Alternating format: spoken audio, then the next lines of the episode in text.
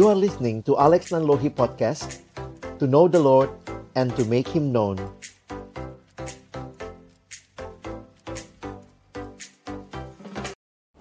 Mari kita berdoa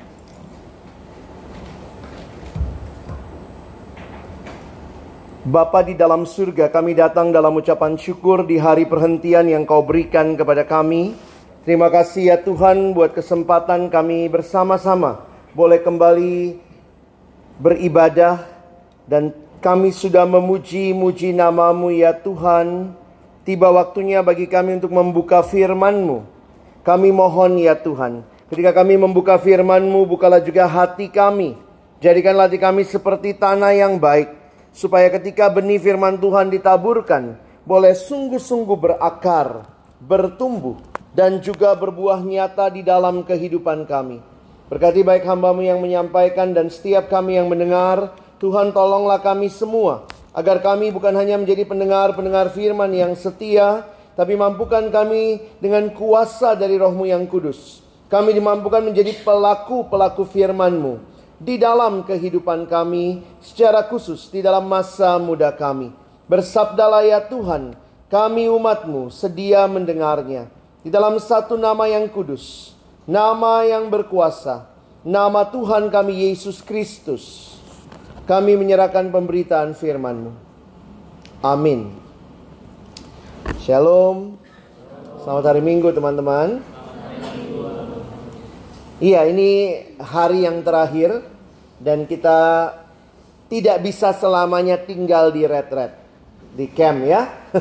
Kalian tinggal lebih lama, panitia masuk rumah sakit kayaknya. Setiap kita sudah diisi, sudah disegarkan, maka penting bagi kita untuk kembali dan melakukan apa yang menjadi kehendak Tuhan. Saya bersyukur melihat cara Tuhan yang indah memimpin kita. Regio kita di dalam Sumatera bagian selatan, saya pikir ini anugerah yang besar melihat bagaimana dari generasi ke generasi Tuhan yang sama membangkitkan orang-orang yang terus melayani. Jadi kalau kita akhirnya boleh melihat pelayanan kita bertumbuh, berkembang, saya harus katakan puji Tuhan. Siapa yang dipuji? Tuhan. Dialah Allah yang berkarya. Saya pagi hari ini uh, waktu mempersiapkan materi ini membayangkan ya. Kalau benar-benar nilai kerajaan Allah itu kita pahami, kita mengerti, kita dalami, maka apa yang terjadi kira-kira ya? Nah ini yang kita sama-sama mau pelajari pada pagi hari ini. Saya mengajak kita akan membuka bagian Alkitab di dalam Matius pasal yang ke-13. Matius pasal yang ke-13 sebenarnya saya harus memilih ayatnya saya tidak bisa bahas semua. Teman-teman lihat dulu Matius 13. Matius 13 judul perikop pertamanya apa? Perumpamaan tentang seorang penabur.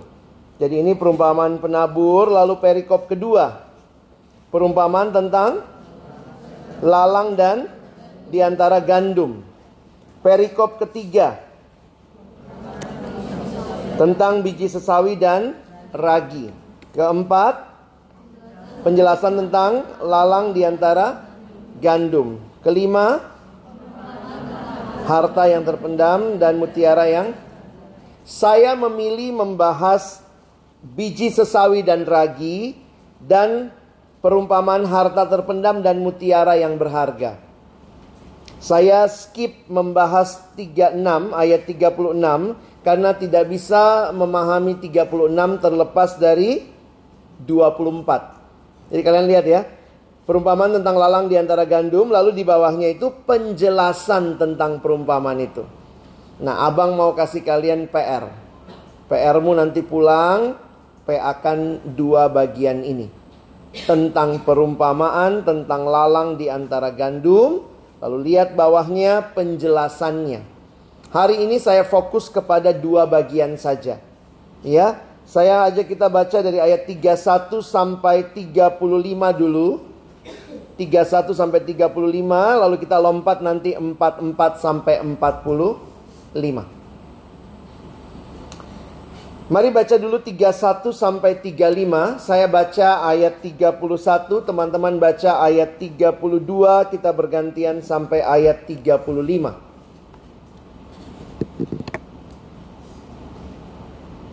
Yesus membentangkan suatu perumpamaan lain lagi kepada mereka, katanya, hal kerajaan sorga itu seumpama biji sesawi yang diambil dan ditaburkan orang di ladangnya.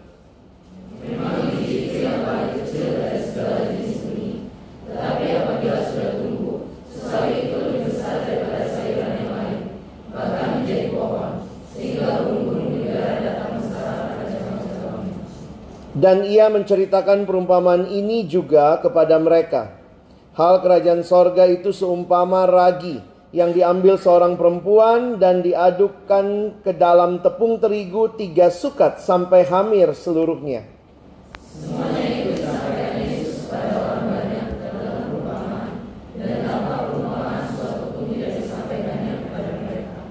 Supaya genaplah firman yang disampaikan oleh Nabi, Aku mau membuka mulutku, mengatakan perumpamaan.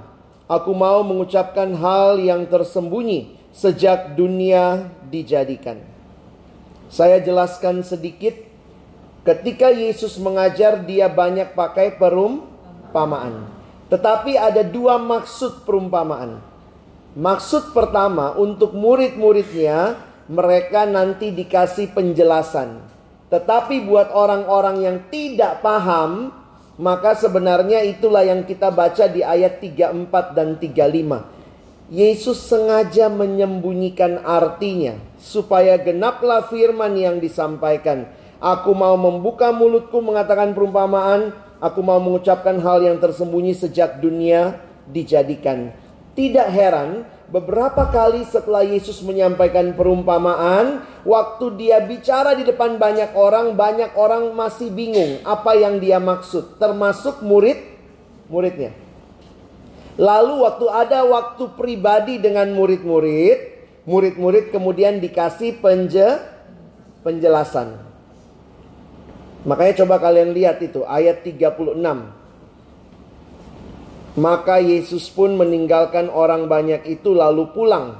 Murid-muridnya datang dan berkata kepadanya, "Jelaskanlah kepada kami perumpamaan tentang lalang di ladang itu." Jadi, mereka bertanya, "Apa sih artinya?" Jadi, kalau kalian perhatikan, ini hal yang menarik dari cara Yesus mengajar, ya. Sehingga sekarang kita langsung ke ayat 44 dan ayat 4 sampai 46. Kita akan baca bersama-sama ayat 44 sampai ayat 46. Setelah saya baca judulnya, mohon teman-teman sekalian mulai membaca. Perumpamaan tentang harta terpendam dan mutiara yang berharga.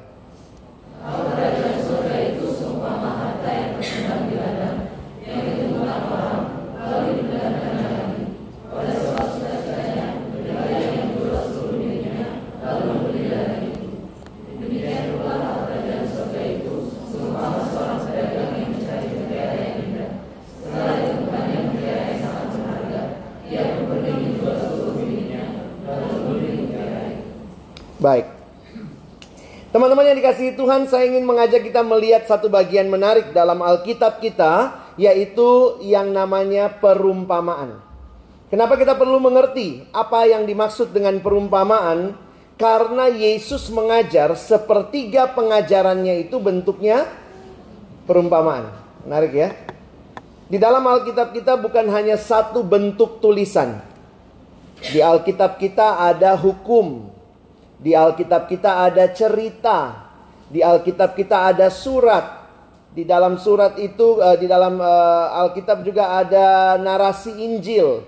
Nah, di dalam narasi Injil, salah satunya yang kita lihat dari pengajaran Yesus, Yesus sering kali menggunakan perumpamaan.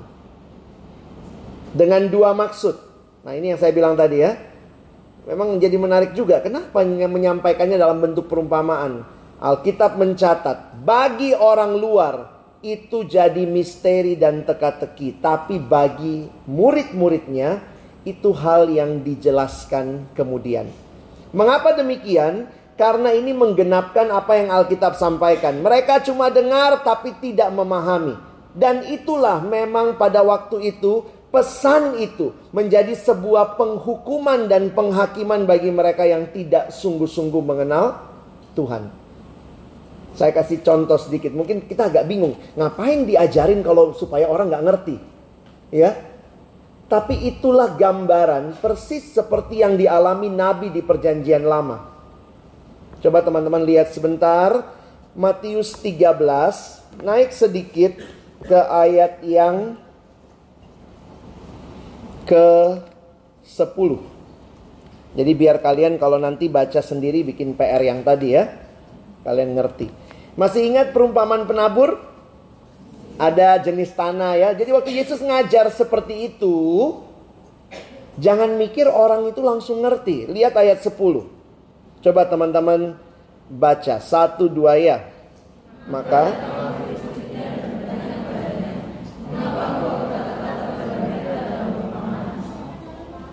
Mengapa kau berkata-kata pada mereka dalam bentuk perumpamaan? Lalu lihat ya bawahnya kan.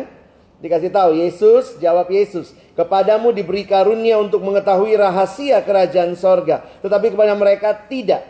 Karena siapa yang mempunyai kepadanya akan diberi sehingga ia berkelimpahan. Tapi siapa yang tidak mempunyai apa pun yang ada padanya akan diambil daripadanya. Itulah sebabnya aku berkata-kata dalam perumpamaan kepada mereka. Karena sekalipun melihat mereka tidak melihat. Sekalipun mendengar mereka tidak mendengar. Dan tidak mengerti. Saya waktu itu mikir ya. Kenapa Tuhan ngajarin supaya orang nggak ngerti gitu kan? Tapi ternyata ini mau menunjukkan betapa hati yang bebal itu makin dengar firman, makin tidak paham. Makin dengar firman, makin tidak mau berubah hidupnya.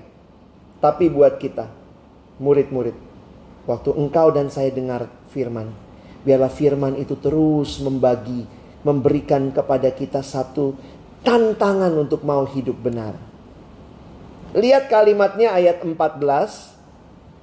Maka pada mereka, ya mereka yang tidak ngerti itu, genaplah nubuat Yesaya. Nah, Yesaya pernah berkata yang berbunyi, "Kamu akan mendengar dan mendengar namun tidak mengerti. Kamu akan melihat dan melihat namun tidak menanggap." Sebab hati bangsa ini telah menebal, telinganya berat mendengar, matanya melekat tertutup, supaya jangan mereka melihat dengan matanya dan mendengar dengan telinganya dan mengerti dengan hatinya lalu berbalik sehingga aku menyembuhkan mereka. 16 17 sama-sama. Tetapi berbahagialah matamu karena melihat, telingamu mendengar, sebab aku berkata kepadamu Sesungguhnya banyak nabi dan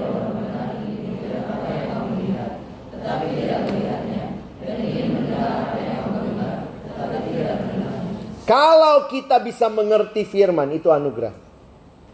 Karena buat kita lah dibukakan rahasia kerajaan surga.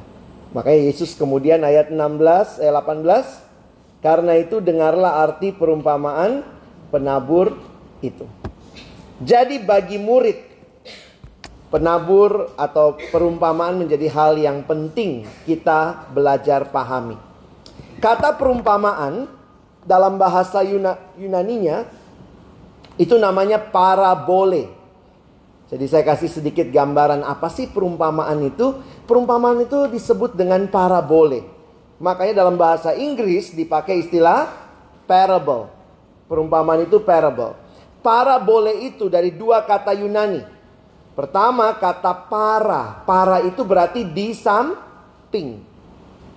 Jadi misalnya para medis itu orang-orang yang di samping atau menolong orang-orang medis gitu ya. Makanya para medis itu uh, siapa tuh? Susternya begitu ya. Dokter di, tidak dianggap para medis kan? Para church, perkantas kita sebut sebagai para church, pendamping gereja atau di samping gereja. Nah, Roh Kudus dikatakan di Alkitab para kletos. ya, pendamping, penolong, advocate yang menyertai, yang bersama-sama. Yang kedua dipakai kata balo. Dari kata balo jadi boleh, para boleh, para balo. Balo itu berarti melempar. Jadi secara literal, secara harafiah, apa artinya parable? Sesuatu yang dilemparkan ke samping sesuatu. Jadi misalnya begini. Saya mau menjelaskan benda ini. Dan untuk menjelaskan benda ini, saya taruh benda lain di sampingnya untuk menjelaskan benda ini. I throw something di sampingnya untuk menjelaskan benda ini. Makanya yang penting yang mana? Yang menjelaskan atau yang dijelaskan? Yang lebih penting yang mana? Yang menjelaskan atau yang dijelaskan? Yang dijelaskan dong, kan ini yang lagi dijelaskan. Saya mau menjelaskan tentang Jakarta, lalu saya pakai perumpamaan saya menaruh di sampingnya kota Jambi. Berarti waktu saya lagi jelaskan Jambi, kamu mesti ingat intinya bukan Jambinya, tapi Jakartanya. Saya kan lagi mau jelaskan Jakarta. Nah ini yang sering kali orang lupa waktu baca perumpamaan. Kita lupa lagi mau jelaskan apa. Kita bilang oh tanahnya ini itu. Lalu kemudian kita arti-artikan, kita cari-cari begitu ya. Artinya padahal salah satu kunci menafsir perumpamaan ingat dia lagi cerita dan menjelaskan tentang apa? Bisa dipahami?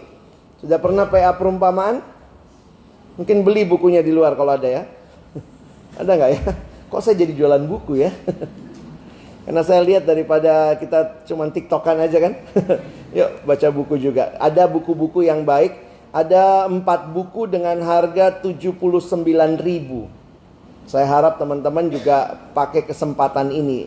Jadi ada banyak alumni yang mendukung pengadaan buku itu untuk teman-teman di Sumatera bagian selatan. Banyak buku yang terjual, puji Tuhan supaya kalian maju. Harganya sudah dipotong begitu rupa. Banyak buku terjual, puji Tuhan Kak Sabto pulang tidak banyak bawa buku. Kalau tidak Kak Sabto bawa buku balik ya. Tapi ini bagian yang penting lah sama-sama nanti teman-teman pakai kesempatan. Aduh 79 ribu mahal. Mahal, ya emang mahal. 79 ribu, coba patungan berempat. 20, 20, 20. Bukunya kan dapat 4. Kau satu ini dulu ya. Tukeran kita, rotasi bacanya. Jadi jangan begitu, iya ada aku uang 80 bang, cari teman. Tapi satu kota tentunya ya. Jangan cari teman luar kota, nanti tukaran bukunya pun lebih mahal ongkosnya gitu ya. Saya beberapa kali suka ngeliat gitu ya. ya misalnya mau lakukan ini, wah mahal banget. Nah mahal kalau kau sendiri. Kadang-kadang kita kerohaniannya pun egois sendiri. Enggak lah, coba gandeng teman. Yuk sama-sama yuk kita baca buku ini. Ya, jadi yang mungkin uangmu 20 kumpul-kumpul nanti ya. 20 20 20 jadi 40. Eh, jadi 80 kan? Nah, masih ada kembali 1000. Nah, udahlah ya. Buat ongkos. Jadi parable kembali sedang menjelaskan sesuatu. Nah menariknya Tuhan Yesus men menjelaskan banyak hal di dalam perumpamaan. Bayangkan loh, sepertiga pe pengajaran Yesus bentuknya perumpamaan. Karena itu kita mesti serius belajar perumpamaan. Ayo, perumpamaan apa aja yang kalian ingat? Aja. Apa aja? apa perumpamaan yang teman-teman ingat? Yang ya jangan yang kita baca tadi gitu ya. Anak yang hilang, janda yang kaya. Oh, bukan. Ada ya perumpamaan tentang janda juga kan? Nah, kadang-kadang kamu ingat jandanya, kamu ingat anak yang hilang, kamu lupa lagi cerita apa. Itulah kita terjebak dengan yang menjelaskan. Betul kita harus ngerti apa ceritanya yang menjelaskan. Tapi lebih penting lagi jangan lupa apa yang sedang dijelaskan. Hari ini abang nggak bisa bahas semua. Saya hanya akan fokus bahwa sebagian besar jadi bayangkan begini, Yesus ngajar, sepertiga pengajarannya perumpamaan. Sebagian besar perumpamaan itu adalah perumpamaan tentang kerajaan. Tidak semua perumpamaan Yesus tentang kerajaan, tapi mostly sebagian besar, khususnya yang kita pelajari di Injil Matius, itu adalah the parable of the kingdom. Karena itu ingat, yang Yesus lagi mau jelaskan apa? The kingdom. Jangan kau pikir, oh Yesus lagi mau menjelaskan anak pertanian ini jenis-jenis tanah. Bukan. Yesus bukan anak ilmu tanah. Masih ingat nggak berita dari kemarin abang bilang kan? Apa berita utama Yesus? Kerajaan sorga, kerajaan Allah. Waktu bangkit 40 hari dia kasih kuliah umum judulnya kerajaan Allah. Waktu dia ngajar, dia cerita perumpamaan, itu pun dia lagi cerita kerajaan Allah, kerajaan sorga. Sama ya? Oh, kok aku nggak nampak bang selama ini? Nah, makanya aku tampakkan buatmu. Coba lihat yang kita baca tadi. Teman-teman baca ayat berapa tadi? Ayat 31. Lihat kalimat Yesus apa? Hal kerajaan sorga itu seumpama Yesus lagi tidak bicara sayur mayur di sini. Lagi bicara apa? Kerajaan sorga. Lihat lagi di bawahnya. Ayat yang ke-33. Dan ia menceritakan perumpamaan ini juga kepada mereka. Hal kerajaan. Yesus lagi tidak bicara cara bikin roti. Beginilah bikin roti. Bawa raginya, masukkan aduk-aduk, mengembang, buatlah, makanlah kau sama-sama. Puji Tuhan. Loh, lagi mau jelasin apa? Kerajaan sorga. Coba lihat lagi yang kita baca tadi. 44. Hal kerajaan sorga itu seumpama. 45. Demikian pula hal kerajaan sorga itu. Jadi Yesus lagi menjelaskan berbagai keindahan aspek penting tentang kerajaan sorga. Nah, mulai bisa paham sekarang ya. Coba lihat lagi. Abang tolong kalian lihat lagi. Maju sedikit. Matius pasal yang ke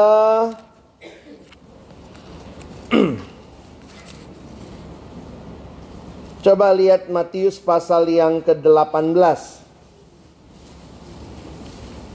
Terus kan Petrus datang nanya ayat 21.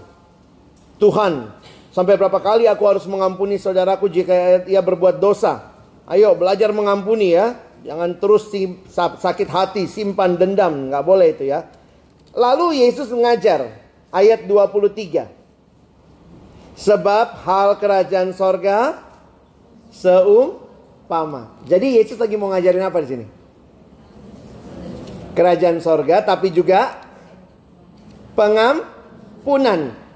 Yang Yesus lagi mau tekankan apa? Sebenarnya semua yang kita baca di dalam Injil Matius ini, lihat baik-baik, itu bersumber dari nilai-nilai yang ada di depan. Masih ingat yang abang bilang kemarin, berbahagialah orang yang murah hati. Apa artinya murah hati? Mau mengampuni. Bagaimana contohnya? Bagaimana hidupnya orang yang mengampuni? Seumpama seperti cerita ini. Jadi kalau kalian baca karakter-karakter yang harus dimiliki oleh murid untuk hidup dalam the kingdom of God itu yang digambarkan berulang kali. Ternyata kerajaan Allah itu kerajaan yang mengam, mengampuni. Kalau kau masih simpan dendam, dikit-dikit sakit hati, ada orang begitu ya. Makanya dulu ibu rohani saya, ibu Dorothy Max bilang, orang marah itu ada dua macam. Ada marah dingin, ada marah panas. Dua-duanya salah. Kita harus marah dengan benar.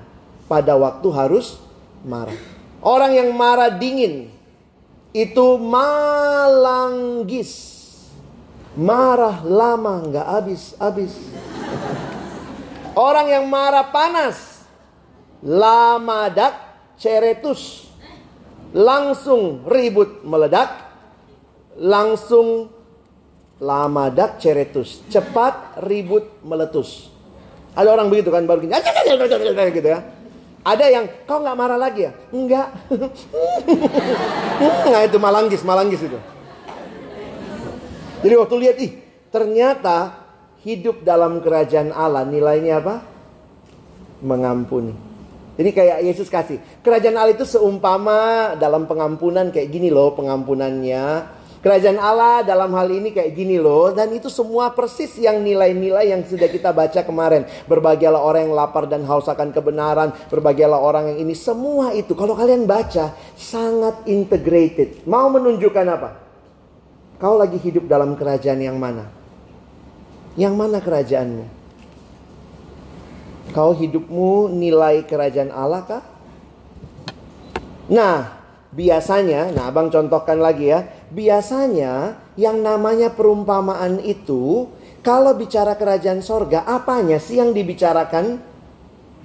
Beberapa penafsir saya ambil aja penjelasannya dia. Dia mengatakan begini. Biasanya the parable of the kingdom bicara tentang the king, character of the king, karakter dari rajanya atau the yang kedua adalah the kingdom. Jadi kalau kalian baca, oh ini tentang the kingnya. Oh ini tentang the kingdomnya. Masih ingat nggak perumpamaan di Matius 25? Ayo lihat sebentar sebelum kita belajar lebih jauh. Matius 25 ayat yang ke 20 Eh kok 20? 14. Apa judulnya? Nah apa? Jadi yang kalau kalian baca perumpamaan ini lagi bicara tentang apa nih? Talenta itu apa sih? Bukan bakat. Talenta itu lihat di kamusmu di belakang. Apa itu talenta? Bakat itu bahasa Indonesia untuk bicara talenta. Awalnya talenta itu di dalam Alkitab ceritanya apa? Jumlah uang di perjanjian baru, ukuran jumlah uang yang sangat besar nilainya. Satu talenta berapa? 6000 dinar. Jadi ingat ceritanya bukan orang lagi dikasih bakat. Ini ceritanya orang lagi dikasih uang. Kalau bilang ih dikit kali pun satu talenta. Loh satu talenta itu enam ribu dinar. Sekarang buka dinar. Banyak nama orang Batak dinar. Jangan kau buka si dinar ya. Buka di Alkitabmu. Ayo dinar. Apa itu dinar? Mata uang Romawi satu dinar adalah upah pekerja harian. Jadi UMR ini, UMP ya. Upah minimum provinsi regional. Satu dinar kerja satu hari dapat satu dinar. Jadi satu talenta itu kerja berapa hari? Enam ribu hari. Kalau satu tahun 300 hari.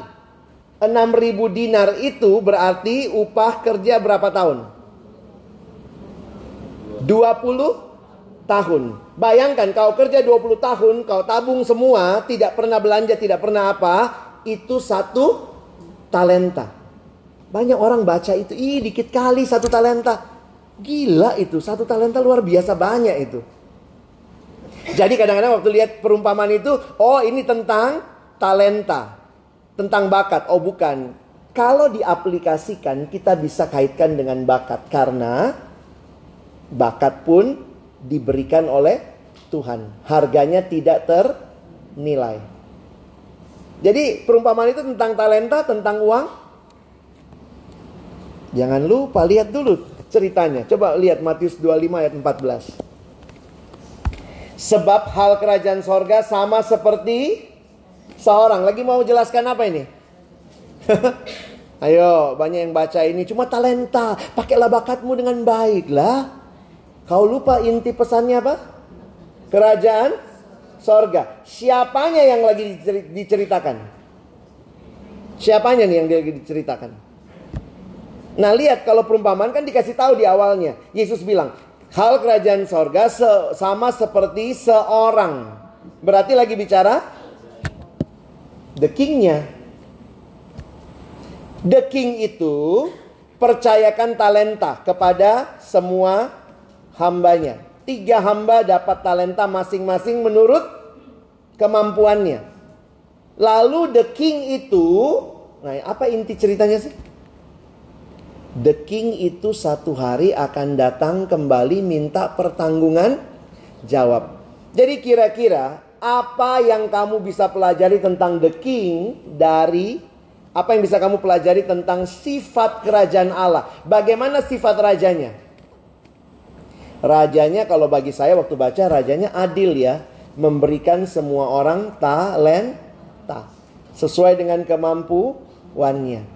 Dan the king satu hari nanti akan datang minta pertanggungan jawab.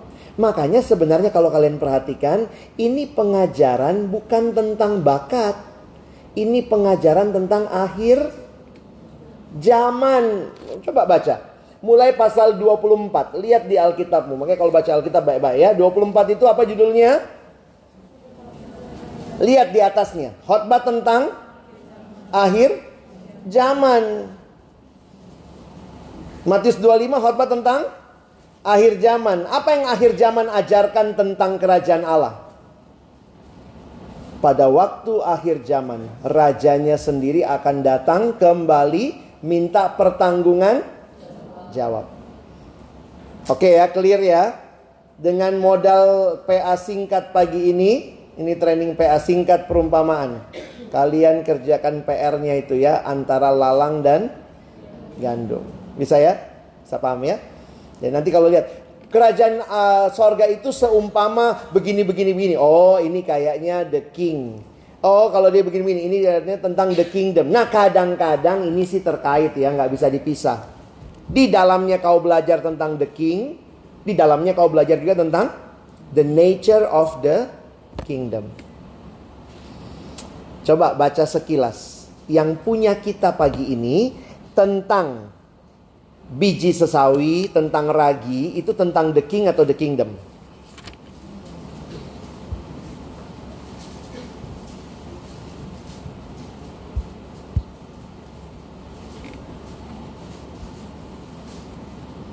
Yang perumpamaan harta terpendam, mutiara yang berharga, itu tentang the king atau the kingdom.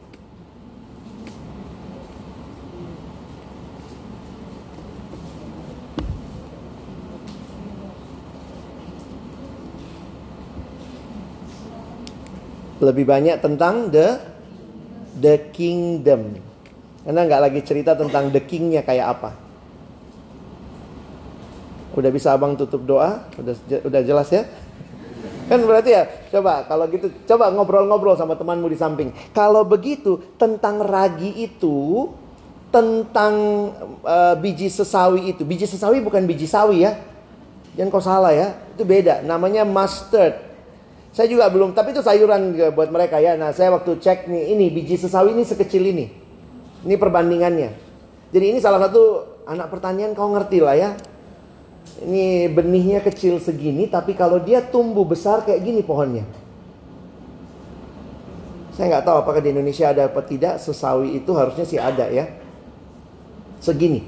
Bahkan bisa jadi sangat lebat dan pohon ab dan burung-burung pun bersarang hidup dari situ. Coba waktu Yesus bilang, kerajaan surga itu seperti biji sesawi. Coba ngobrol sama temanmu, kayak apa maksudnya? Karena biji sesawi dekat sama ragi. Coba, coba ngobrol-ngobrol berdua tentang biji sesawi sama ragi.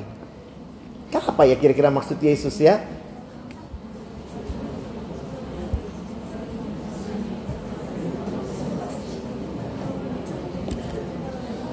Pernah bikin roti kan yang perempuan kali ya? Bikin roti pakai ragi. Vermipan itu loh, vermipan. Ya. Itu pula apa ragi ya?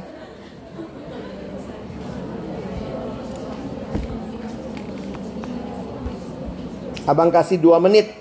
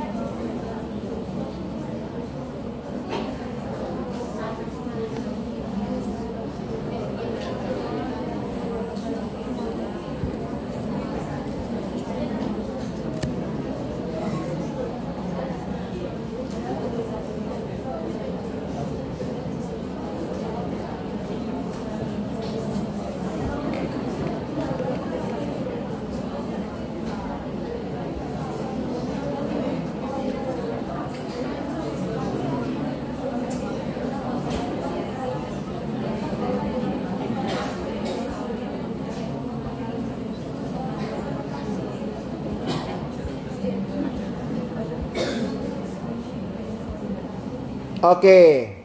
Apa kira-kira persamaannya biji sesawi sama vermipan? Eh, sama ragi?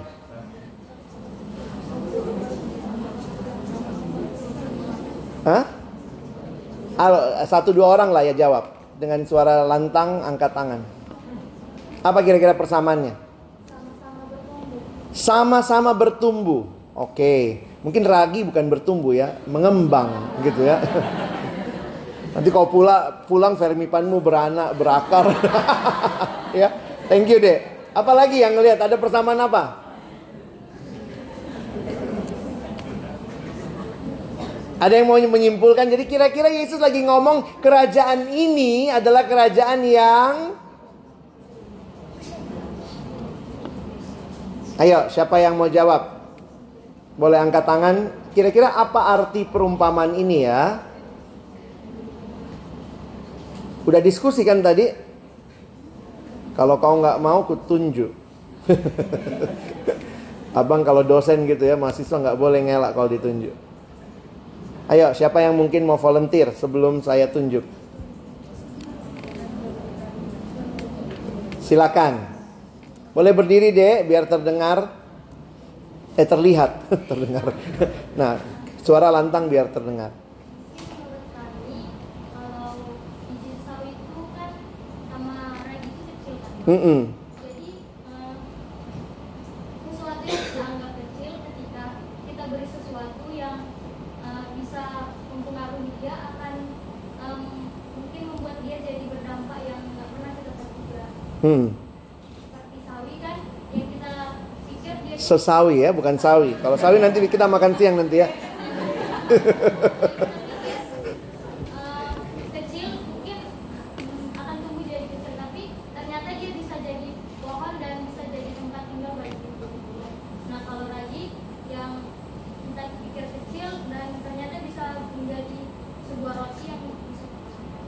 Jadi kerajaan sorga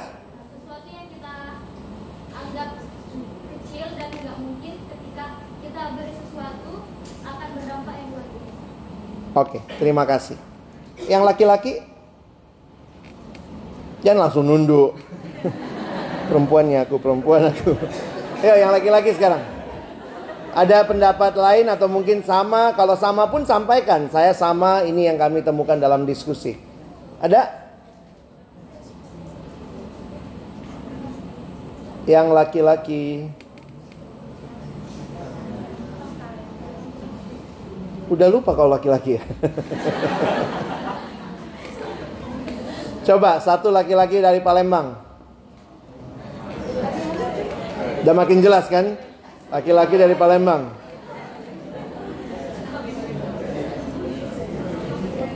Satu laki-laki dari Palembang yang tim musik pagi ini. Udahlah, majulah deh.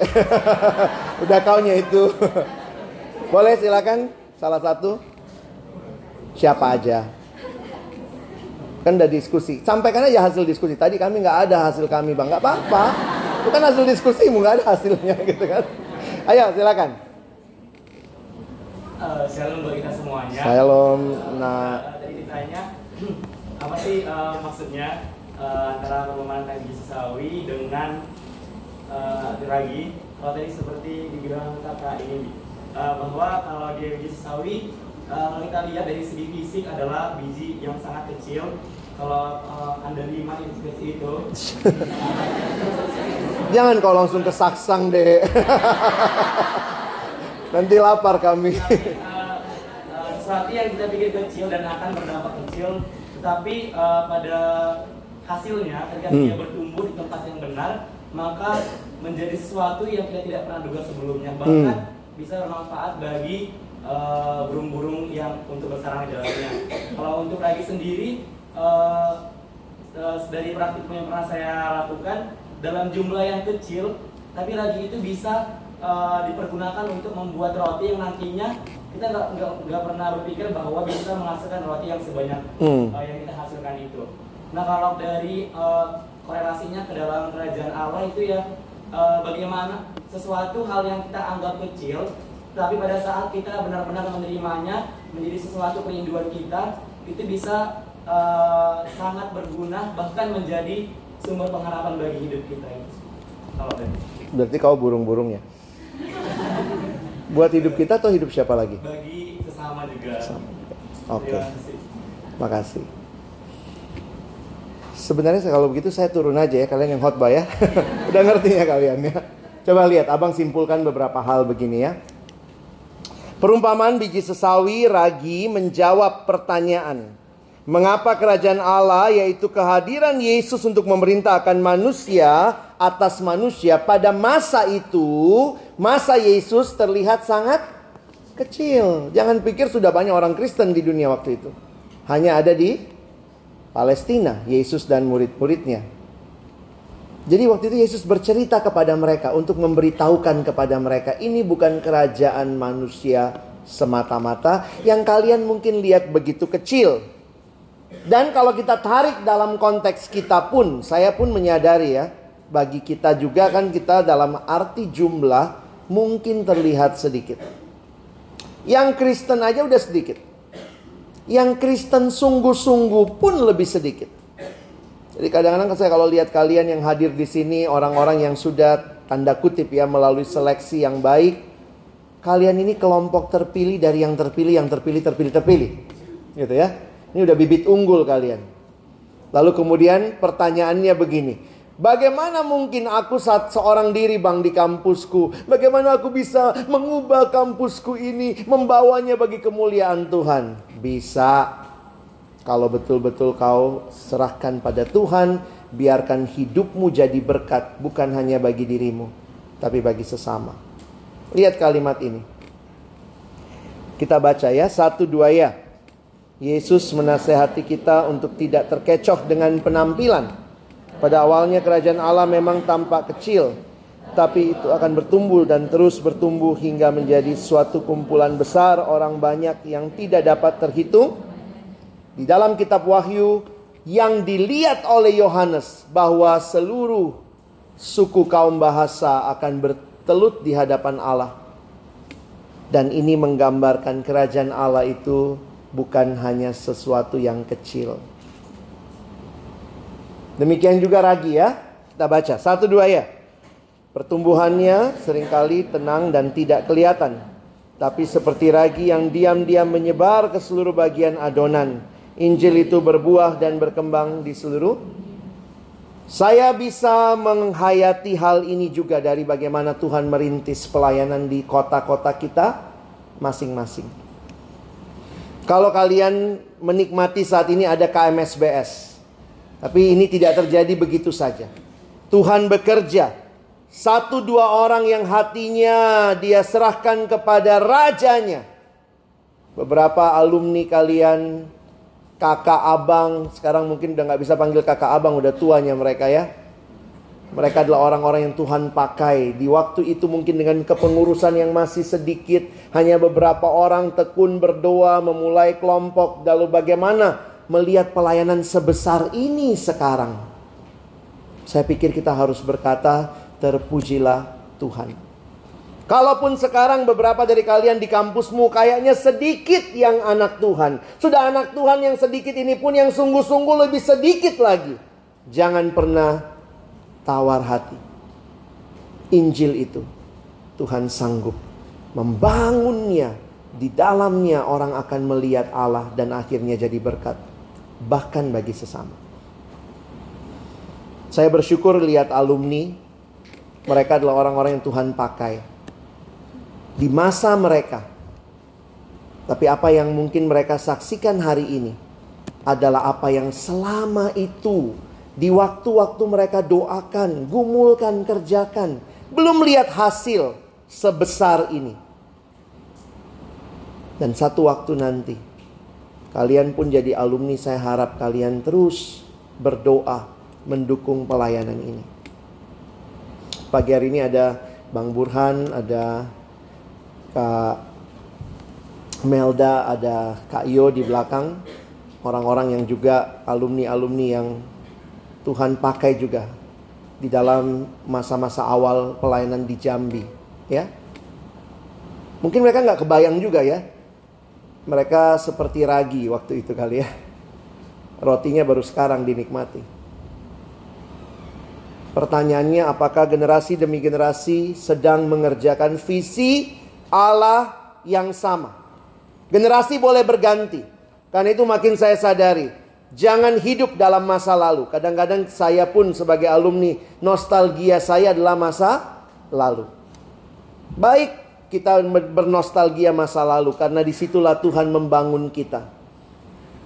Saya ketemu ada alumni gila, iya bang, aduh dulu aku rajin kali. dulu aku, wah paling pertama datang persekutuan, paling belakang pulangnya.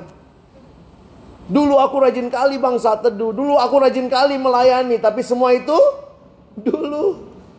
Sekarang gimana hidupmu? Saya ingat ketemu satu alumni dia saya pulang pelayanan lalu nengok dia lagi naik mobil gitu ya. Saya pulang pelayanan saya jalan kaki mau naik bus di Jakarta. Terus dia bilang, "Abang, masuk aja, Bang." Dia uh, ini ya sama istrinya di mobilnya gitu. "Ayo, Bang, masuk, Bang." Uh, nggak usah deh, deket lagi kok. Ayolah bang masuk daripada aku teriak-teriakan begitu di jalan kan.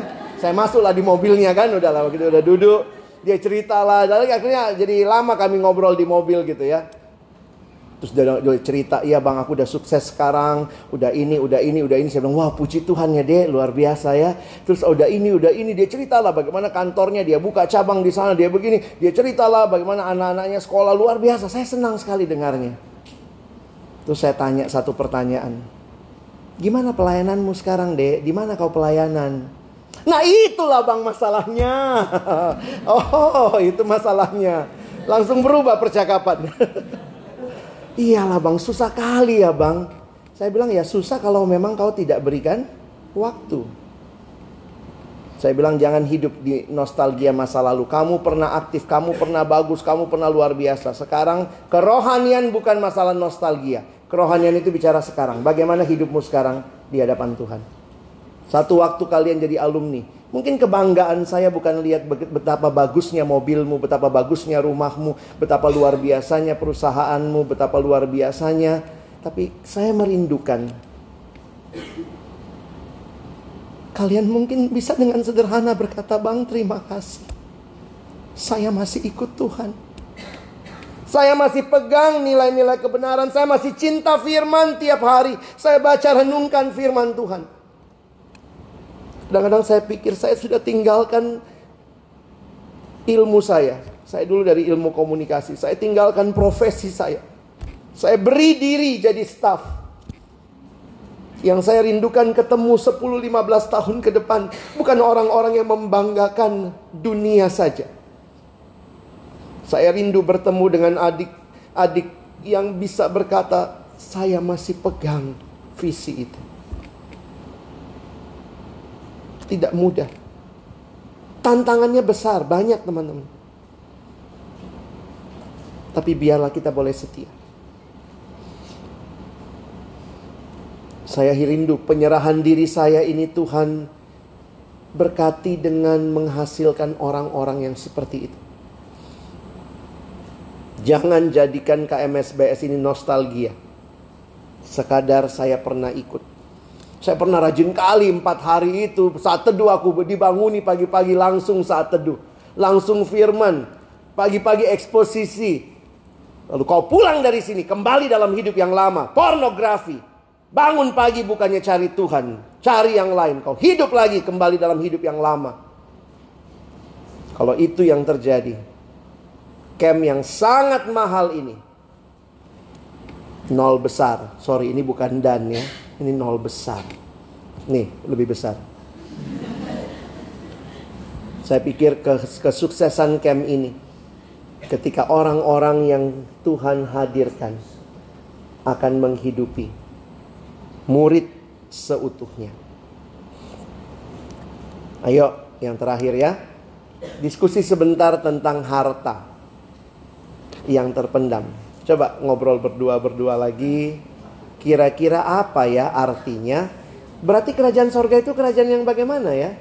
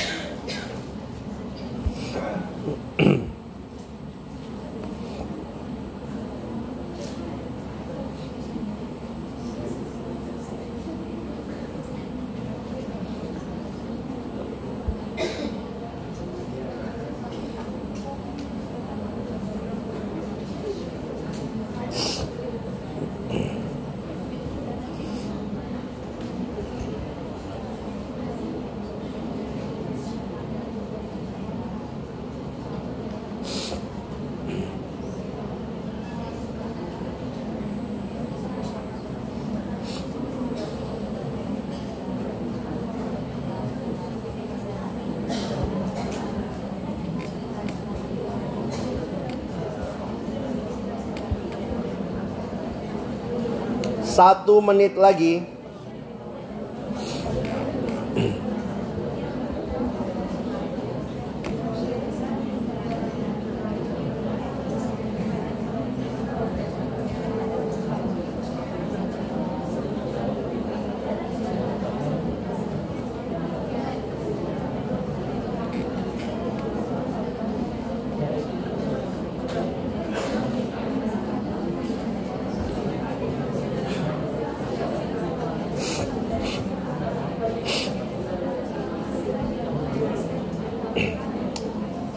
Abang kasih sedikit latar belakang.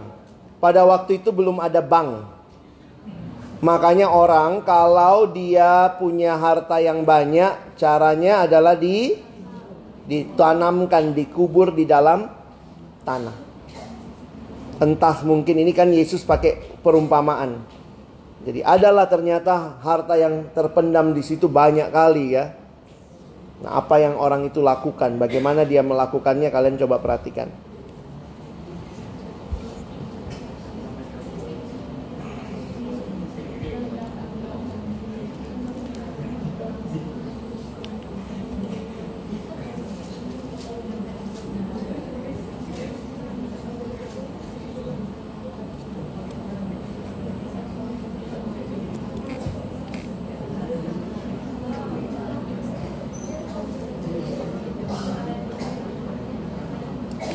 Satu wanita dari Jambi, satu pria dari Bengkulu.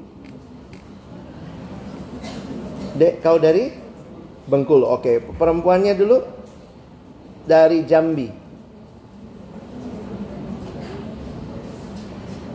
Sambil Jambi mempersiapkan diri silakan. silakan Dek, boleh berdiri di tempat.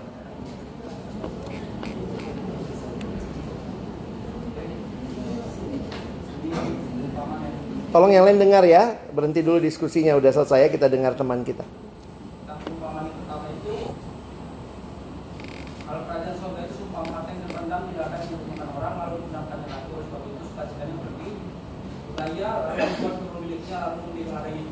sehingga yang ditarik dari situ uh, berarti di ladang itu ada hal yang menarik dan berharga bagi dia sehingga dia mau membeli bahkan hmm. mau membeli ladang itu.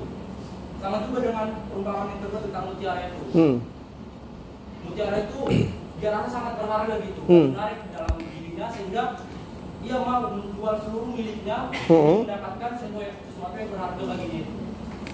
Jadi kerajaan surga itu? Sesuatu yang sangat berharga. Ya sesuatu yang sangat berharga. Makasih ya. Yang perempuan dari Jambi satu orang? Atau mau semua perempuan dari Jambi mungkin? Janganlah nari nanti kalian di sini ya. Batang hari batang hari. Ayo satu perempuan dari Jambi. Mungkin ada perspektif beda kali ya. Perempuan mutiara itu bang ya. ya silakan. Ada adik kami yang mau volunteer. Panitia juga boleh, panitia juga kan belajar firman kan, jangan takut ya. Silakan.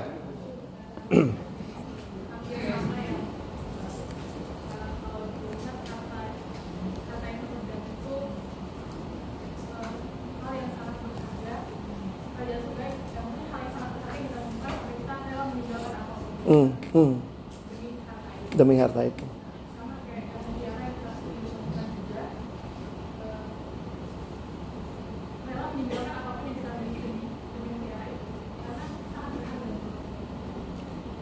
Berarti begini, coba ya saya tanya ya.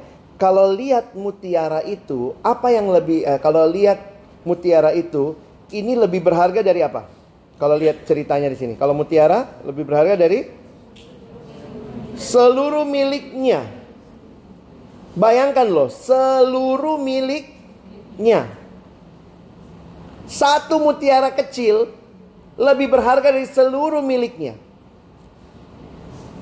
Kalau ladang, eh sorry ladang, harta terpendam di ladang, ladang itu lebih berharga dari seluruh miliknya. Tapi menarik puji Tuhan, Tuhan Yesus kasih satu kalimat atau kata yang nyempil di situ.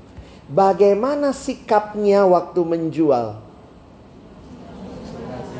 Suka? Jadi bukan terpaksa ya. Sukacita. Apakah kerajaan Allah itu sebegitu berharganya sampai untuk kerajaan Allah itu kau rela menjual semua yang kau punya tapi mendapatkan itu? Saya kagum juga beberapa dari kalian harus katanya udah bolos berkali-kali untuk KMSBS ini. Berarti KMSBS sedikit lebih berharga dari kuliahmu ya. Marah mamamu itu pulang. Karena mamamu menurut mamamu apa yang lebih berharga? Kuliah, tapi pulang doakanlah supaya kalau mama nggak ngerti bilang mak udah selesai acaranya. Memang dalam hidup kalau kita lepas sesuatu karena ada yang kita pikirkan ini lebih berharga. Waktu saya merenungkan ini, saya simpulkannya begini ya. Coba yang perempuan baca. Satu, dua ya. Menemukan kerajaan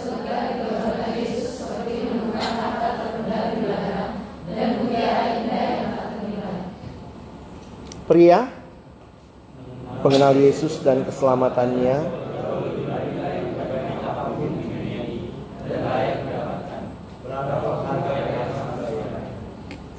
Gampang ya bacanya ya.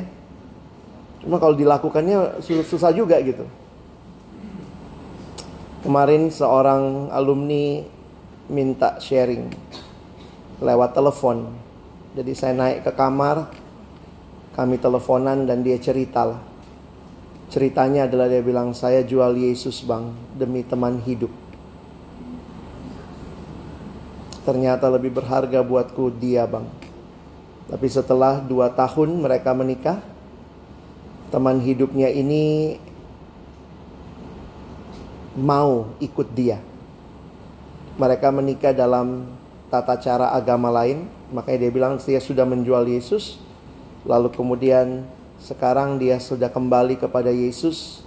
Suaminya ikut kembali, ikut datang kepada Yesus, tapi ternyata dua tahun ini suaminya jadinya tidak sungguh-sungguh suaminya ini akhirnya sekarang lagi dekat dengan perempuan lain dari agamanya yang dulu. Dia bilang sama abang kemarin, aku udah jual Yesus demi dia.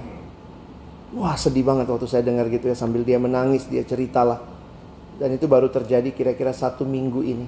Pergumulan keluarga yang berat karena pria ini berusaha keluar dari rumah untuk kembali ke agamanya yang lama dan dia mau supaya wanita ini menuntut perceraian. Supaya dia bisa sama perempuan itu. Ada saat-saat dalam hidup yang berharga itu kita anggap biasa. Yesus, Yesusku segala-galanya. Eh begitu lihat si ini, wih ganteng banget, cantik banget. Oh Yesus kurang bagus. Hati-hati.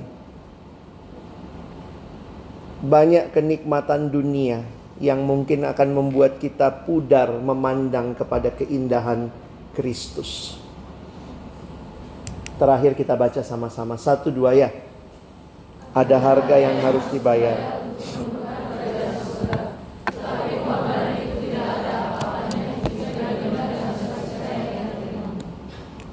Pengorbanan itu tidak ada apa-apanya dengan sukacita yang akan kita terima. Seringkali kita berkata, mana sukacitanya ikut Tuhan, penderitaan kok yang kualami. Ingat kalimat kemarin. Sukacitanya itu bukan bicara segala yang kau dapat di dunia saja. Tapi apa yang Tuhan sediakan bagimu. Saudara ini pengharapan kita. Kadang-kadang saya terus bergumul, ambang terus bergumul. Betulkah saya hidup menjadikan kerajaan Allah begitu berharga? Kadang-kadang kalau saya bilang mari bicara komitmen, tapi kalau kalau saudara tidak ketemu apa yang paling berharga dalam hidupmu, susah dituntut komitmen, benar nggak? Masa mau kita komitmen sama hal yang nggak berharga? Atau paling tidak, kalimat saya begini, kalau itu kau komitmenkan, mungkin karena itu hal yang sangat kau anggap berharga pada waktu itu. Dia komitmen sama pria berbeda iman. Karena dia merasa pada waktu itu, inilah prioritasku, inilah yang paling berharga. Beberapa tidak ikut, mungkin karena takut meninggalkan kuliah. Komitmen dia kepada kuliah, mungkin karena dia merasa ini kurang penting.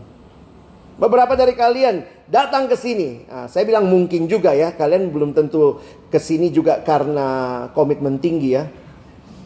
Karena udah dipaksa staff, sudah bayar gitu ya, nggak bisa lagi ditarik. Ini nggak kayak ini ya, kalau batal hari keberapa dibalikkan uangnya nggak bisa. Tapi saya harus katakan begini, kemungkinan di dalam hidup sesuatu yang kamu komitmenkan itu karena kamu rasa itu sangat berharga.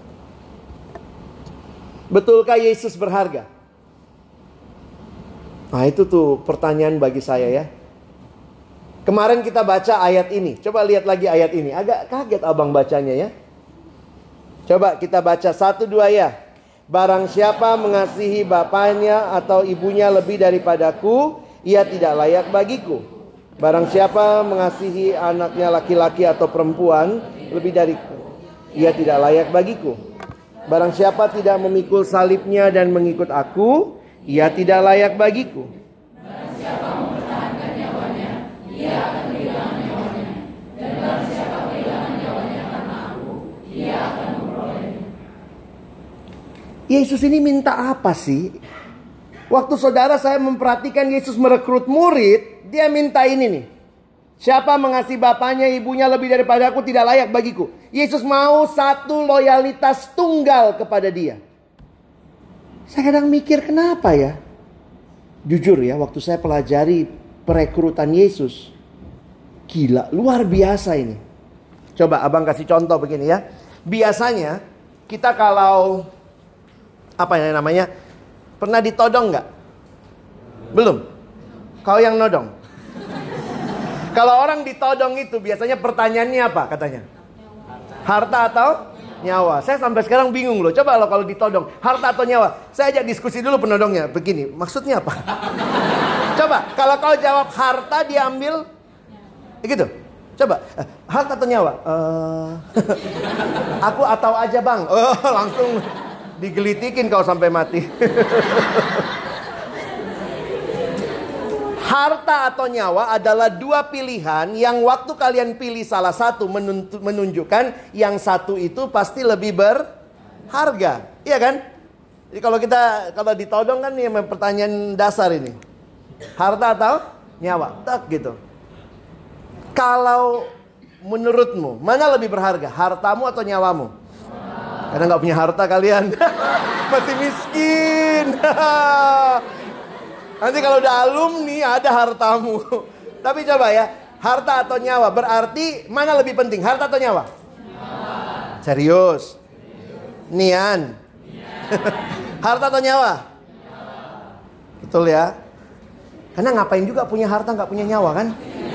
Itu rumah siapa rumah dia loh. Itu gunung dia baru beli kemarin. Terus itu pesawat punya dia. Dia mana? Mati tadi pagi. Jadi punya harta nggak punya nyawa sedih ya. Tapi punya nyawa nggak punya harta sama sedih. Doanya makanan kami yang secukupnya ya. Jadi makanya kalau kalian perhatikan ada orang yang rela begitu rupa hilang hartanya untuk berobat, untuk bayar rumah sakit, untuk berobat ke Penang, supaya bisa bertahan nyawanya. Di situ saya jadi sadar, iya ya, harta atau nyawa yang paling berharga adalah nyawa. Sekarang abang tanya, jawab dalam hatimu.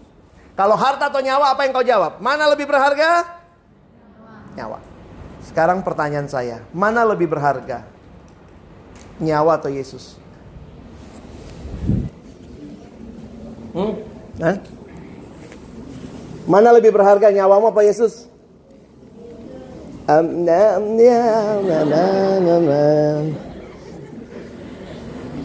Mana lebih berharga adik-adik? Berarti rela kehilangan nyawa demi Yesus? Nian. Nian apa? Hah? Yakin? Ini yang pulang siap mati nih? Saya mau mati demi Yesus. Yesus bilang, jangan mati dulu. Tinggalkan aja pornografi dulu. Bisa gak? Ngomong mati. Banyak dari kita sebenarnya nggak siap ikut Yesus. Kita cuma ikut Yesus, iseng-iseng ikut. Kalau menguntungkan aku, ku ikut. Kalau nggak menguntungkan agak berat, sorry Tuhan. Sangkal diri pikul salib, maaf Tuhan lagi pikul salib gitu ya. Aduh Tuhan maaf, uh, jemuran di rumah belum diangkat, pulang dia gitu ya. Saya kaget dengan pertanyaan ini yang saya tanyakan pada diri saya beberapa tahun yang lalu. Mana lebih berharga? Kita tadi sangat yakin, oh, nyawa sangat berharga. Manusia punya harta ngapain kalau tidak punya nyawa? Waktu diperhadapkan, mana lebih berharga nyawa apa Yesus?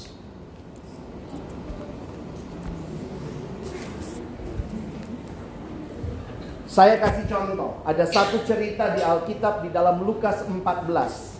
Dalam Lukas 14 Yesus sedang berjalan di depan murid-muridnya. Coba lihat Alkitabmu. Lukas 14 ayat 25. Abang kasih contoh sebentar ya bagaimana menghayati ayat ini. Saya sengaja turun mimbar supaya kalian bisa menghayatinya juga. Coba lihat Lukas 14 ayat yang ke-25. Pada suatu kali banyak orang berduyun-duyun mengikuti Yesus dalam perjalanannya. Berapa banyak itu berduyun-duyun? Banyak. Pokoknya pasti lebih dari satu lah ya. Kenapa mereka datang berduyun-duyun? Mereka mau lihat siapa Yesus. Bayangkan ini bagian-bagian Yesus makin populer dalam pelayanannya. Banyak yang mulai mau ikut Yesus. Kalau Yesus diikuti orang banyak, berarti Yesus jalan di mana? Di depan. Nah, saya jadi Yesus ya, kan kalian lebih banyak ya. Nah, Yesus lagi jalan ini ya, lalu kalian orang banyak. Saya lagi membayangkan orang banyak yang datang dari berbagai kota itu sudah begitu fokus melihat Yesus atau pengen tahu Yesus kayak apa. Mungkin mereka ikut di belakang ya dengan banner-banner Yesus, Yesus, gitu ya. Jadi bayangkan ya Yesus diikuti ya. Jadi Yesus bilang, tiba-tiba waktu diikuti begitu ya, terus dia berpaling kan? Apa kalimatnya? Sambil berpaling ia berkata kepada mereka, Yo man, kita buat GFC, Jesus Fans Club. Yesus bilang begitu nggak? Saya kaget loh kalimatnya. Kalau diikuti banyak orang, kita aja cari follower kan? diikuti banyak orang, kita maunya ayo jadi fansku, ayo ikuti aku. Yesus baliknya ngomong begini, mau ikut. Jika kamu datang kepadaku, ia tidak membenci bapaknya, ibunya, istrinya, anak-anaknya, saudara-saudara laki-laki atau perempuan bahkan nyawanya sendiri, ia tidak dapat menjadi muridku. Saya kalau saya saya lagi bayangkan kalau saya berjalan di belakang Yesus waktu itu. Begitu Yesus balik ini, mau ikut. Kalau kamu mau ikut mesti sangkal diri. Aku yang paling utama, bahkan lebih dari bapamu, ibumu segala macam. Saya mikir gini, syukur-syukur loh udah mau ikut. Yesus tidak cari fans. Kalau dia cari fans, dia bilang, please jangan pergi dong, please don't go. Come with me. Mau apa? Mau apa? Ku traktir es ya? ya? Ya, jangan pergi ya. Yesus ini waktu banyak orang malah nantang. Mau ikut. Lihat kalimatnya. Saya tulis di depan ya. Lihat penekanannya. Jikalau seorang datang kepadaku dan ia tidak membenci bapaknya, ibunya, istrinya, anak-anaknya, laki-laki atau perempuan, bahkan mana lebih penting? Yesus atau nyawa? Ini perekrutan apa? ISIS. Ngeri loh, Yesus merekrutnya begini. Mau ikut? Kalau kau mau ikut Yesus, kau harus tempatkan Yesus lebih berharga daripada dirimu sendiri. Ini apa ini? Inilah pemuridan kita. You want to be disciples on entirety? Bukan cuma ikut kalau lagi pengen. Iseng-iseng ikut. Ya kalau Yesus asik ya ikutin. Kalau nggak asik buang. Yesus tidak cari fans. Fans itu orang yang pertama lari waktu ada masalah. Tapi pengikut orang yang tetap ada dan mau menderita. Karena nyawanya pun tidak lebih penting dari Tuhan yang dia ikuti. Banyak orang bicara pemuridan, tidak sampai ke esensi pemuridan. Karena apa? Nyawanya masih lebih penting dari Yesus.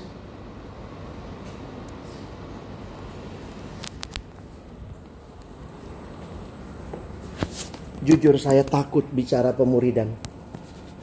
Karena ini hal yang sangat-sangat tidak mudah.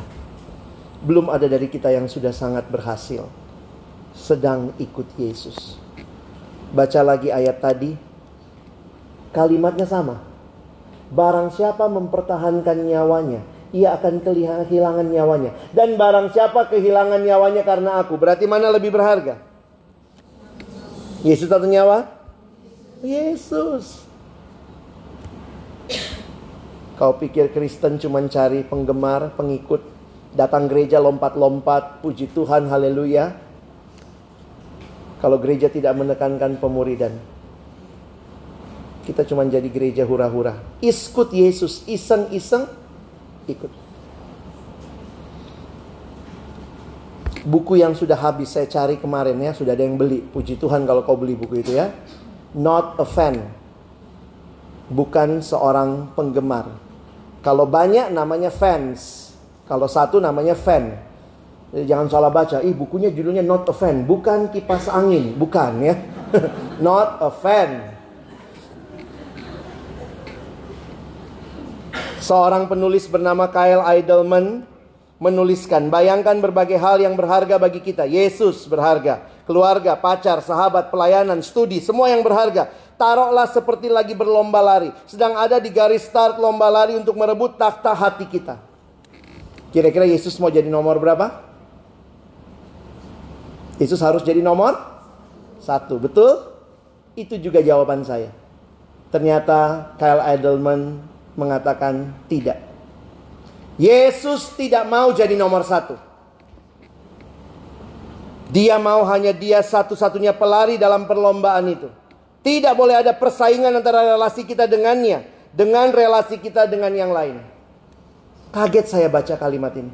Saya pikir dia mengerti esensi pemuridan Yesus. Dulu saya pikir Yesus mesti nomor satu. Waktu saudara taruh Yesus nomor satu, berarti masih ada saingannya nomor dua, nomor tiga, nomor empat. Kadang-kadang berubah urutan saingannya. Ini mukanya Bapak Kyle Idleman. Yesus tidak mau jadi nomor satu dalam hidup kita. Yesus mau jadi satu-satunya. Yang terutama di dalam hidup ini meninggikan nama Yesus. Tidak ada hal yang lain.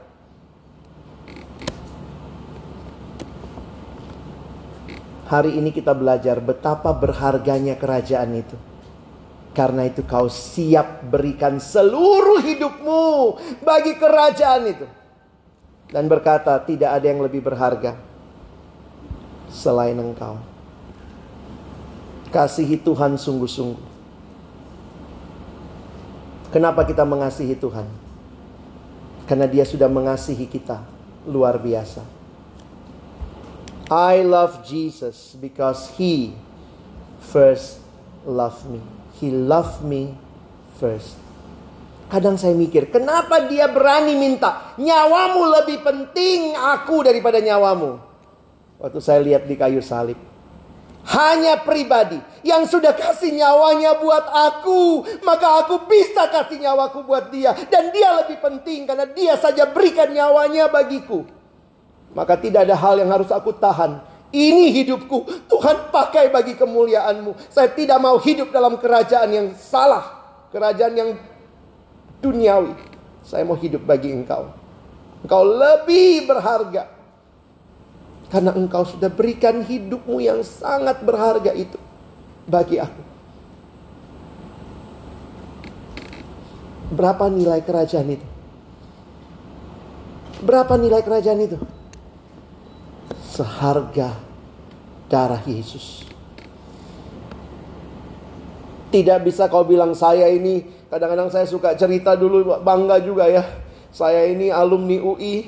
Saya tinggalkan UI saya untuk melayani seolah-olah puji diri. Haleluya. Tuhan kau hutang. Aku anak UI loh. Aku jadi hambamu. Tuhan bilang, no Alex. It's nothing. I gave my whole life for you. Sadarkah dirimu seharga darah Yesus? Kerajaan itu begitu berharga. Jangan pernah kau lepas ikut kerajaan lain. Mungkin masih kelihatan kecil. Kayaknya Tuhan gak ada buahnya. Tapi ke depan Tuhan janji. dalam kekekalan. Seluruh bangsa di hadapannya memuliakan dia.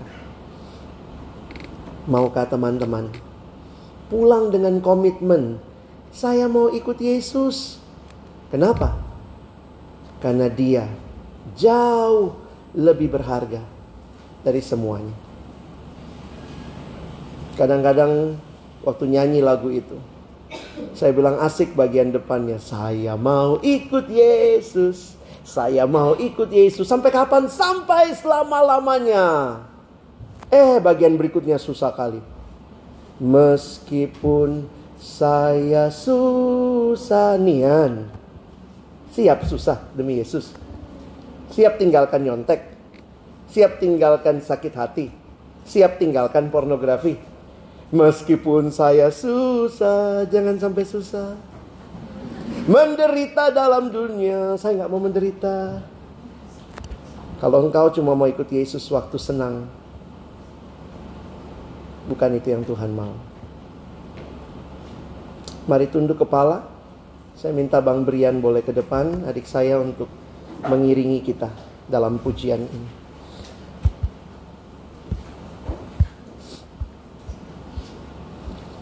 waktu semua tunduk kepala. Firman sudah cukup berbicara sepanjang camp ini. Saya mohon waktu kita dengarkan pujian ini. Saya akan nyanyikan bagi kita. Jawab di hadapan Tuhan.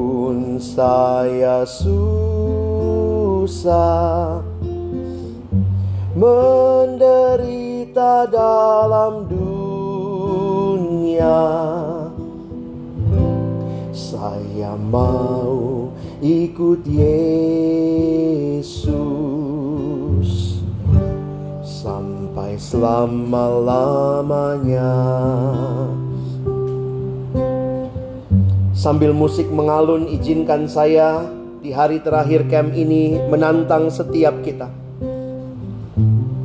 Siapa yang berkata, "Tuhan, saya mau pulang mengikut Engkau sungguh-sungguh"? Tidak mudah. Ada begitu banyak hal dalam hidupku yang mungkin harus aku ubah. Tapi Tuhan terima kasih kerajaanmu jauh lebih berharga Mengikut engkau jauh lebih indah. Saya mau lakukan dengan sukacita. Meskipun susah, meskipun menderita. Saya mau ikut Yesus. Bukan hanya hari ini, bukan hanya di camp ini, tapi sampai selama-lamanya. Waktu kita mengulang lagu ini, kalau kau siap ikut Yesus, tentu dengan kekuatan, keberanian yang dari Tuhan, saya minta kau berdiri di tempat ikut nyanyikan lagu ini. Kalau kau belum siap ikut Yesus, kau katakan terlalu berat, saya tidak siap. Saya butuh waktu lagi untuk berpikir. Silakan tetap duduk. Tapi kalau Tuhan gerakkan, saya mau ikut Tuhan. Tidak mudah, tidak tidak gampang, tapi Tuhan saya tahu kau beri kekuatan. Silakan berdiri dan ikut nyanyi lagu ini.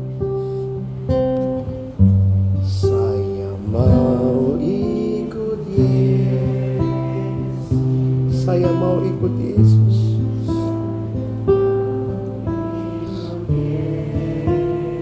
Sampai selama-lamanya.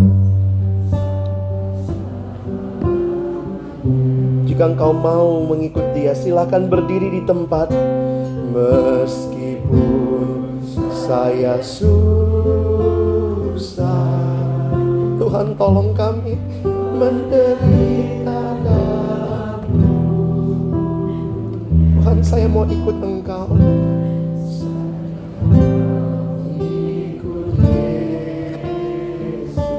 Sampai selama-lamanya Sekali lagi kita nyanyikan jika masih ada yang mau berdiri saya persilahkan Saya mau ikut Yesus. Saya mau ikut Yesus.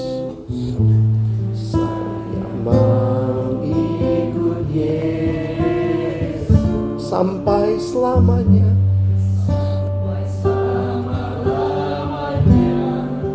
Meskipun susah menderita, meskipun saya susah menderita dalam dunia. Saya mau ikut Yesus.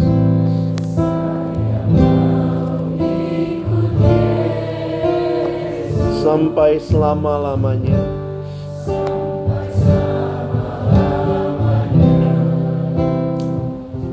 Bapak Surgawi tolong kami setiap kami di ruangan ini yang berkata kami mau ikut Tuhan, mau ikut Engkau sampai selama-lamanya kuatkan kami Tuhan. Kem yang mahal ini bukan ditentukan dari kami yang hadir di sini saja di tempat ini selama empat hari di sini. Tapi pulang dari tempat ini Tuhan kami boleh menunjukkan hidup yang menaruh kerajaanmu sebagai prioritas utama kami.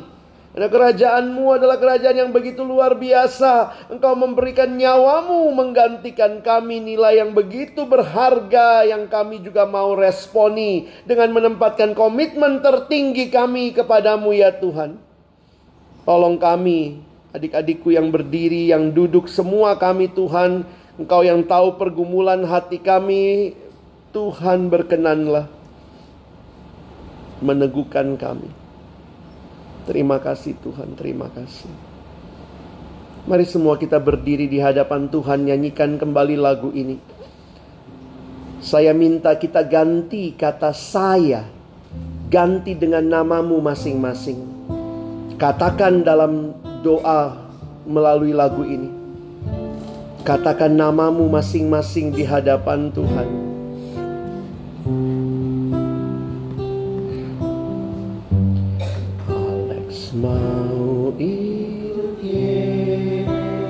Sebutkan namamu di hadapan Tuhan. Alex mau sampai selama-lamanya. Katakan namamu meskipun susah.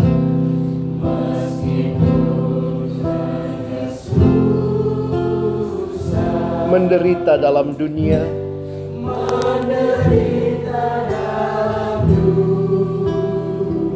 Katakan namamu di hadapan Tuhan.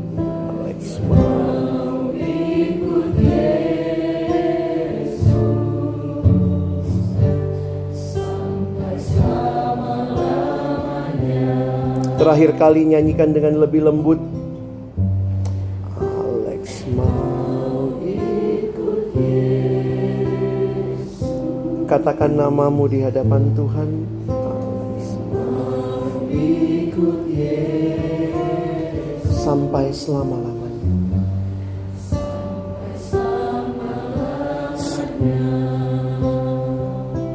Meskipun meskipun Alex menderita dalam dunia.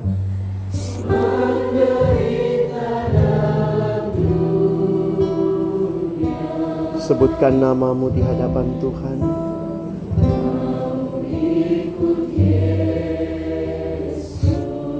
sampai selama-lamanya.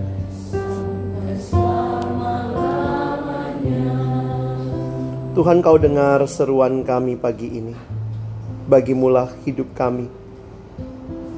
Karena engkau lebih berharga dari nyawa kami sekalipun. Terima kasih Tuhan. Tolong kami bukan cuma jadi pendengar. Kami mau pulang jadi pelaku-pelaku firman. Dalam nama Yesus kami berdoa. Amin. Silakan duduk.